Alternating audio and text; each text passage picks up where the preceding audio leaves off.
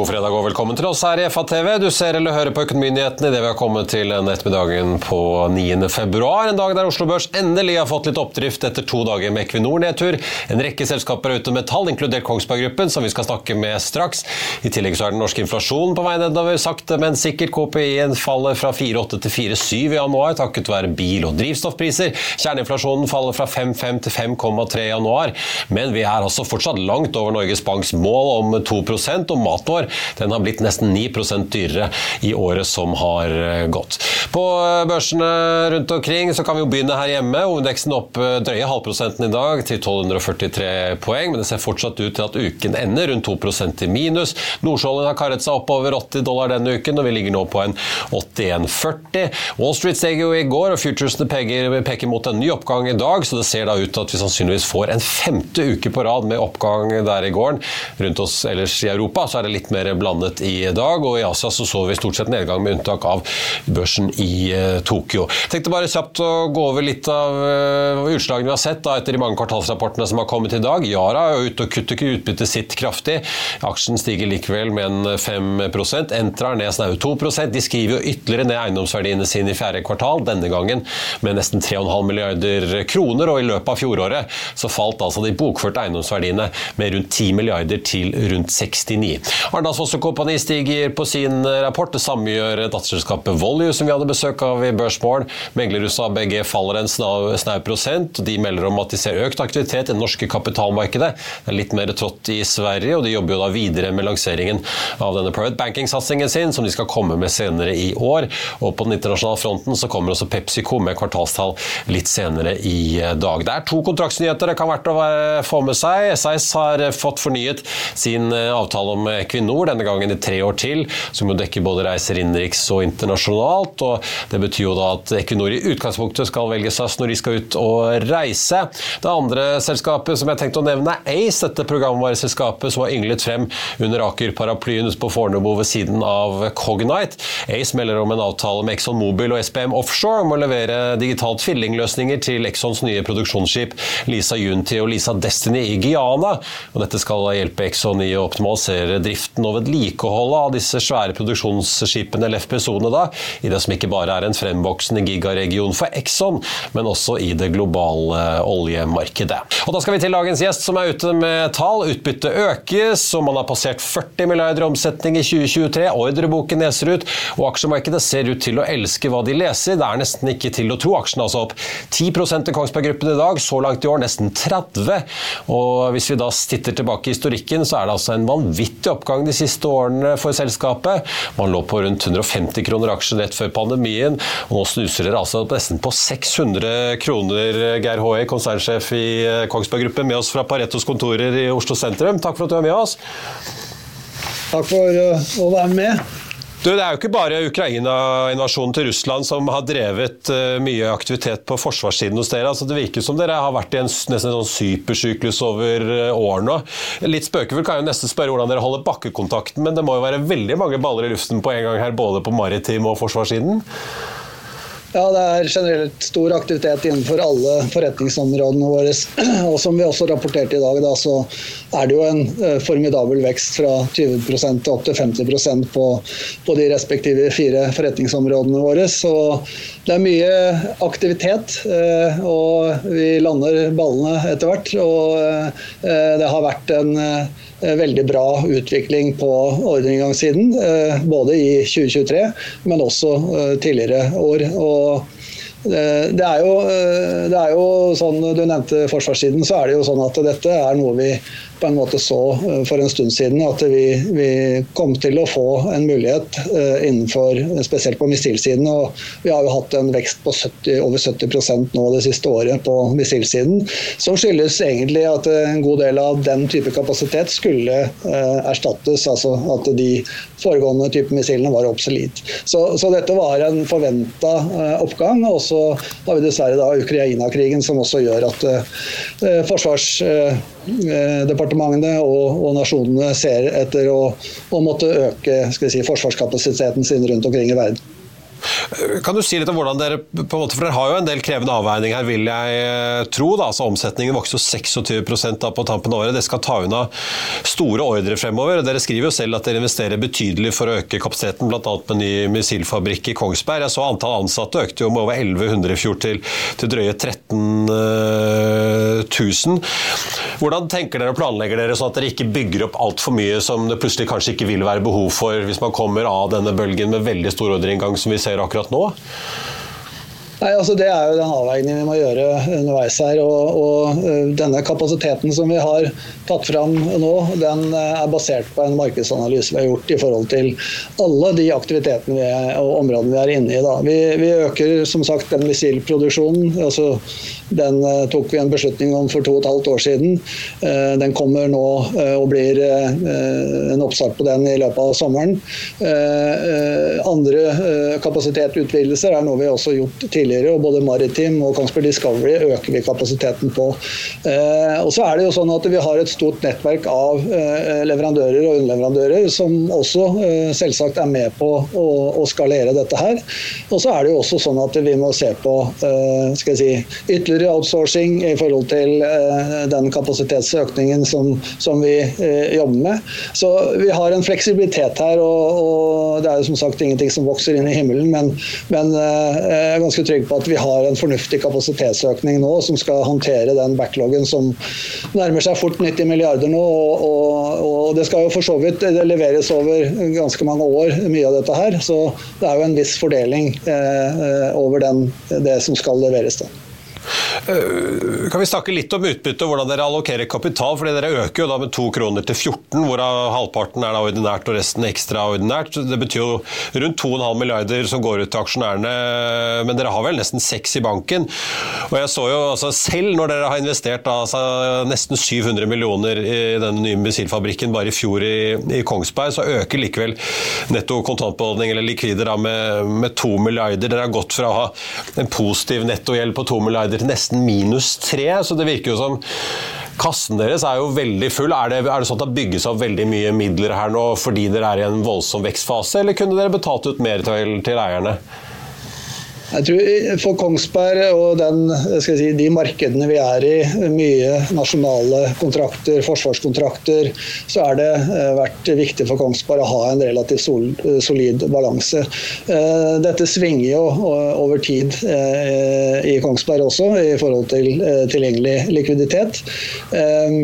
Vi har bestemt oss, eller Styret har bestemt at de ønsket å øve, øke det eh, skal jeg si, eh, gulvet i forhold til ordinært eh, utbytte.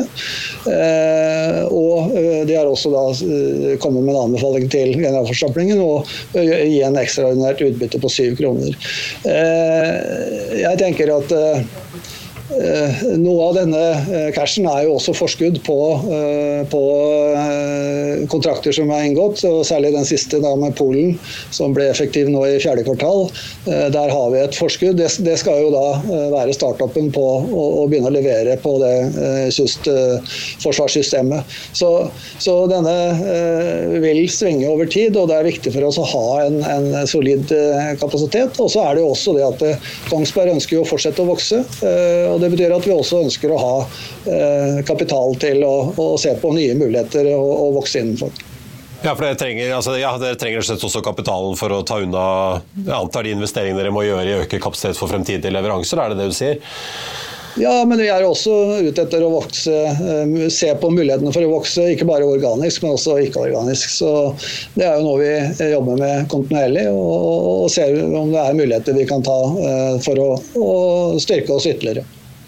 Jeg må høre litt, nå har vi jo ser jo Diskusjonene går i USA om hvor mye man egentlig skal støtte Ukraina. Jeg tenkte, jo, Kan dette påvirke dere, enten i form av at det blir mindre ordre inn på forsvarssiden, eller at andre land trapper opp, og at man eventuelt kan opprettholde eller øke ordreinngangen i årene fremover? Jeg tenker Generelt da, så er det jo uh, sånn at uh, det har jo vært en betydelig donasjon til Ukraina. både fra Europa og fra USA. og Så gjenstår det jo å se hva som skjer i USA. Men jeg antar at det vil komme til en ordning også fra USA. Men det er ikke noe tvil om at Europa, og inklusiv Norge, må se på hvordan vi skal fortsette å, å, å styrke og, å, å hjelpe Ukraina i den, den, krigen de står i med Russland. Jeg ser jo Regjeringen er ute med en melding i dag om at de etablerer altså fra 1.1 neste år, da, i 2025, en etat for eksportkontroll og sanksjoner. Dere er jo omfattet av dette regelverket, som jo de fleste i forsvarsindustrien er i de ulike landene. Vil det få noe påvirkning eh, for dere i praksis, praktisk betydning? Altså det uh, Utenriksdepartementet gjør her, er jo å opprette et direktorat, direktorat for eksportkontroll. og uh, De har jo en ambisjon om å øke si, sin kapasitet ganske betydelig. Vi er en bruker av det systemet og er vel sånn sett kunden til til dette direktoratet. Og det at kapasiteten økes, er, er bra for Kongsberg. Eh, det betyr at eh, vi får eh, effektiv saksbehandling på, på alt det som må inn, inn, inn til det direktoratet og godkjennes for videreeksport. Så Geir, til slutt så må jeg høre om eh, Kongsberg Maritim, en divisjon du jo ledet i sin tid, som jo eh, er verdensledende på alt det dere leverer av utstyr inn til eh, shipping og offshore. jeg ser jo nå at book to der var jo under én i fjerde kvartal. Dere snakker om at dere selger mye på service- og ettermarked, men at nybyggingsmarkedet er litt svakere. Kan du si litt om hvordan dette ser ut nå inn i 2024? Når vi snakker med dere rederier, så virker det som mange snakker om at det er veldig dyrt å kontrahere nye skip, og mange er også litt usikre på teknologiske løsninger fremover? Ja, det er, jo litt sånn at Når verftskapasiteten er på en måte eh, booka opp, så vil jo prisene også øke. og det har jeg opplevd ganske mange ganger i løpet av mine 30 år i Kongsberg. Uh, og det, jeg, det, vi ser nå, kanskje i 2024, er vel at vi forventer at det vil være Eh, kanskje på nivå med 2023 i forhold til antall kontraheringer på skip. Og så er det jo For Kongsberg så er det jo viktig hva slags type skip som blir kontrahert. Eh, det er jo segmenter som er mer betydningsfulle sånn scope-messig for Kongsberg. Eh, og vi er fortsatt ganske optimistiske for 2023, som jeg sier, i forhold til nivå. Så er det jo sånn at vi, hvis du ser litt med de litt lengre briller, så, så er i hvert fall jeg ganske optimistisk i forhold til at det må komme ytterligere kontraheringer på en bred del av flåten. Vi ser at gjennomsnittsalderen på på eh, den tonnasjen som er der i dag. Eh, den øker jo ett år for hvert år, og nå er den oppe i liksom 23 år i gjennomsnitt. og Det betyr jo at på et eller annet tidspunkt så må disse ikke oppgraderes, men faktisk erstattes. Så jeg vil si på eh, medium til eh, noe lengre sikt så vil, eh, vil det være et positivt marked for, for vår Kongsberg Maritime avdeling. Og Det vil kanskje være en trigger jo mer man modner frem disse løsningene innenfor om det er ammoniakk, metanol eller hydrogen eller de ulike fremdriftsmåtene vi ser på en måte utvikle seg på ulike segmenter her. da. Ja, Det skjer veldig mye innenfor det området jeg håper å si, fra måned og kvartal til kvartal. Og, og, Vi er jo en del av det. Vi er jo uh, tett på det som skal skje innenfor energieffektivisering. Uh, og jobber jo med veldig mange uh, aktører der ute for å se på hvordan vi kan gjøre dette enda bedre enn det vi gjør i dag. Geir Håe, konsernsjef i Kongsberg Gruppen, tusen takk for at du var med oss. Og så får jeg si lykke til til deg og kollegaene dine. Dere har mange baller i luften å sjonglere på en gang eh, om dagen. I'll see you in court. Vi sier det ofte litt på spøk, men for deg som driver business, er det aldri moro å innse at du ikke har laget en 100% gyldig kontrakt. Du bør ikke risikere hele firmaet ditt fordi du synes dette med kontrakter er litt stress. En avtale er ikke en avtale. Du kan miste kunder, miste venner, ja, til og med miste inntekter om du ikke lager en skikkelig kontrakt, på alt mulig, egentlig. Men vi vet det er et styr, kopimaskiner, tregprinter og haugevis av papir. Dessuten stoler vi jo på folk her i landet. Det er ofte litt kleint å skulle be om en signatur for alt mulig, ja, for mye av styret handler også om jakten på underskriften. Det finnes en enkel måte å løse dette på, Dukkobit. En trygg, effektiv og get this, gratis måte å sikre seg en god natts søvn pluss en juridisk bindende avtale. Dukkobit-appen har de strengeste sikkerhetskrav i bunn, samt en EU-godkjent og sertifisert teknologi. Framover vil det bli behagelig å spørre du, skal vi skrive under på det, eller? Kom i gang på dukkobit.no. Eh, denne ukes eh, kraftige kursfall i Equinor viste jo at mange er skeptiske til avkastningen eh, olje- og energigiganten får fra fornybare energiprosjektene sine, men tallene milevis over innen olje og gass, og ikke bare i Norge. Mens man her hjemme skal holde en relativt flat produksjonsutvikling frem mot 2030 og 2035 på rundt 1,2 millioner fat per dag, så kommer det vekst der ute i det store utland, og inntjeningen skal vokse enda mer enn produksjonen. I London på kapitalmarkedsdagen denne uken så tok vi en prat med Philippe Mathieu, som leder den internasjonale delen av Equinor år. Og her er et lite utdrag. Det som vi kommuniserer i dag, det er en vekst i produksjon eh, fra 700 ish i, i, dag til 800 i 2030. Eh, så 15% Det er det som ligger i planen, det er det som blir fokus, det er det som blir på en måte jobben å, å, å levere. Eh, det som er interessant, er at du har en 15% økning i produksjon, men cashflow, altså pengemessig, du har en altså cashflow from operation som øker med 50 5-0 i samme periode. Så den økningen kommer selvfølgelig av den produksjonsøkning men det kommer også mest fra eh, kvalitet som vi har i portfolio. Altså vi tar eh, gammel eh, produksjonsfelt eh, som blir erstattet av next generation asset, og de har en helt annet bidrag, cash-bidrag per fat, og de, de har også lavere emisjon, altså CO2-emisjon. Så Dette gjør at vi tjener mer penger per fat i 2030 enn det vi gjør i dag. Så det er på en måte den kvalitetsøkning i portfolio med alle disse nye prosjekt som kommer inn, eh, som på en måte gjør at vi har en mye sterkere vekst i, eh, i cash flow from operation enn vi ser fra, fra produksjon. Og Det som er viktig, er at vi på en måte utvikler den internasjonale portfolio med nok eh, longevity, sånn at vi har bidrag fra, fra både produksjon, men, men mest cash flow, for å finansiere transisjon ut i tid. Men at vi gjør dette på en måte som gjør at vi også genererer cash og cashflow, også i den kortsiktige periode, iallfall fra, fra nå av til, til 2030.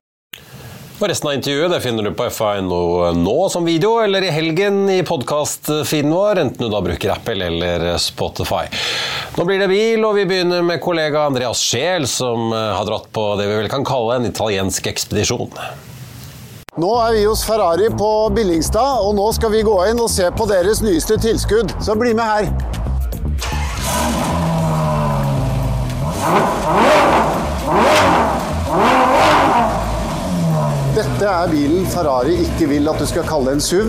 Dette er Ferrari Purosangue. Dette er på mange måter en SUV likevel, men det er også en sportsbil på alle mulige måter. Det er en firedørsbil som er første gang for Ferrari, men den har også en rekke andre egenskaper som gjør dette helt spesiell. Denne bilen har et aktivt understell som skal være på høyde med det aller beste overalt. Den har også firehjulsstyring som er individuell på bakhjulene, så den skal visstnok gjøre ting du ikke visste du kunne få til, men det er også fortsatt fortsatt en ordentlig vaskeekte sportsbil. Denne bilen har flere hestekrefter enn alle andre SUV-er. Den er lavere enn alle andre SUV-er, og den har et utseende som gjør at dette her er noe du kommer til å trives med når du skal ut og kjøre.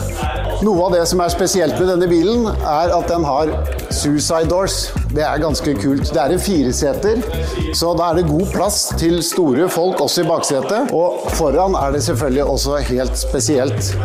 Her har du fått en helt ny stor skjerm foran passasjerene, så de kan følge med på kjøringen. Bilen har helt nye egne seter. Men det er fortsatt en Ferrari med alt det den har å by på når det gjelder kjøreegenskaper og ikke minst motor.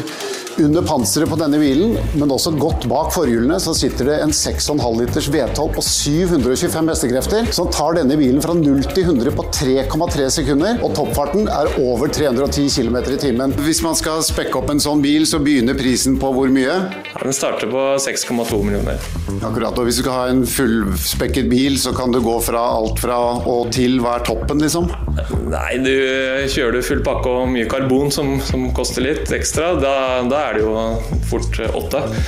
Men eh, normalt spekka bil, så under sju, tenker jeg. Så har du, har du, en fin bil. Så eh, hvis man er interessert, så er det på en måte å, å melde interesse. Så skal vi gjøre vårt beste for å, for å få tak i bil. Vi er et nytt marked i Norge med Ferrari. Vi har muligheter, det kan vi si, til å, til å få tak i bil. Og så blir det en diskusjon med, med også kunden. Da melder jeg herved min interesse, og takk for det. Så førstemann til fjellet. Takk skal du ha, Andreas. Eh, jeg tenkte om, eh, om, om, du kommer deg først til fjellet med denne bilen som de har testet i helgens utgave av Motor eller ikke, det vet jeg ikke. Men jeg tenkte i hvert fall vi kan uansett uh, vise den da. Dette, den Mercedes CLE 450 Formatic Coupé. Ganske så klassiker. Jeg tror neppe det blir så veldig populær. Selv om det er firehjulstrekk, så er det altså ikke elbil. Og det er jo ikke så veldig hot i Norge om dagen. En bil som kanskje blir litt hottere, og ja, vi får se Eh, den er i hvert fall elektrisk, da, får vi si. Denne Mercedes Maybach EQS 680 SUV. Norges dyreste elbil. Så selv om det altså er elbil, så koster den jo også skjorta, vil vel eh, mange si. Så vi får se hvor mange som biter på agene og slår til eh, på den. Det blir i hvert fall mer om den, og også denne Mercedesen i helgens motor. Inkludert også Volkswagens ID7, som er jeg vet ikke hva vi skal kalle det, den elektriske Passaten. I hvert fall Volkswagens siste tilskudd på elbilfronten. Tenkte også bare å nevne at hvis du har ønsker om aksjer vi skal analysere teknisk, så kan du sende en e-post til tvtips.finansavisen.no, så tar Stein Ove Haugen imot alle tips med glede. Det har jo blitt en god del denne uken, inkludert Equinor og eh, en del andre selskaper eh, også, Rex Silicon blant annet. På tampen av sendingen så tenkte jeg bare å nevne at vi altså har fortsatt Kongsberg Gruppen opp nesten 10 på Oslo Børs, en av de beste dagene vi har sett på lenge fra den fronten. Aksjen har gått som en kule, ikke bare over tid, men også så langt i år. Yara stiger også 5% selv om selskapet altså kutter kraftig utbytte. Equinor har endelig begynt å stige litt oppover igjen, får vi si, etter det kraftige fallet på nesten 8% onsdag og nye 2 i går. Opp en halv prosent i dag. Det hjelper jo også hovedindeksen, som nå ligger opp 0,7 til 12,45. Likevel neppe nok til å klare å løfte oss opp eh, på nullpunktet for uken. Vi ligger jo da ned rundt 2% så langt sammenlignet med sluttkursen sist fredag, når vi nå har en halvannen time Unnskyld, to og en halv time igjen av børsdagen. Jeg tenkte bare også å nevne et par andre aksjer av interesse. XXL falt jo 20 i går etter sin kvartalsrapport. Fortsatt blodrødt i dag, ned 9% til for sportskjeden som Freddy Sobin tok over ledelsen av i fjor uh, sommer. Eiendomsselskapet Entra har uh, mistet litt høyde utover dagen, ligger nå ned 2,2% De har altså gjort store nye nedskrivninger av eiendomsverdiene sine nå i fjerde kvartal på litt over 3 milliarder, som løfter da nedskrivningene totalt sett for 2023 godt over åtte. Men så får vi også ta med at selve driften av eiendommene den går jo stadig bedre, så det er jo da snakk om at man gjør kraftige nedjusteringer av verdiene disse eiendommene er bokført til i regneskapet. Aker Solutions, som også falt i går, selv om selskapet guider for en omsetningsvekst på 15 dobler utbytte og kommer med tilbakekjøp av aksjer. Der eh, så vi en nedgang i går, og den aksjen fortsetter også ned 4,2% i dag.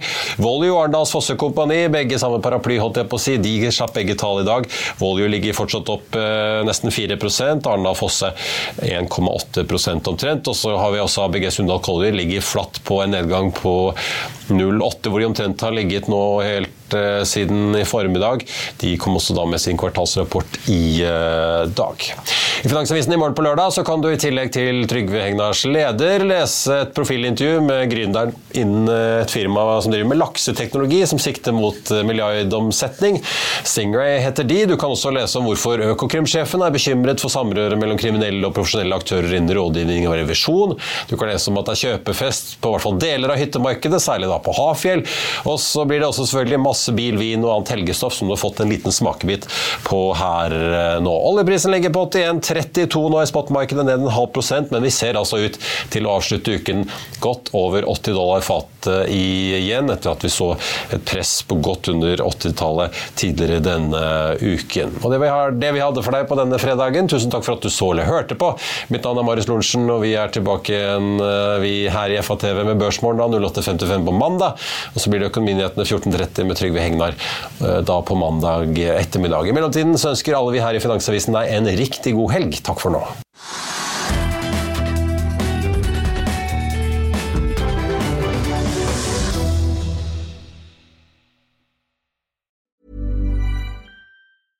Selling a little or a lot? Shopify helps you do your thing however you cha-ching. Shopify is the global commerce platform that helps you sell at every stage of your business. From the launch your online shop stage to the first real life store stage, all the way to the did we just hit a million orders stage. Shopify is there to help you grow. Shopify helps you turn browsers into buyers with the internet's best converting checkout. 36% better on average compared to other leading commerce platforms because businesses that grow grow with Shopify. Get a $1 per month trial period at Shopify.com slash work. Shopify.com slash work. Økonominyhetene er en podkast fra Finansavisen. Programledere er Marius Lorentzen, Stein Ove Haugen og Benedikte Storm Bamvik. Produsenter er Lars Brenden Skram og Bashar Johar. Og ansvarlig redaktør er Trygve Hegnar.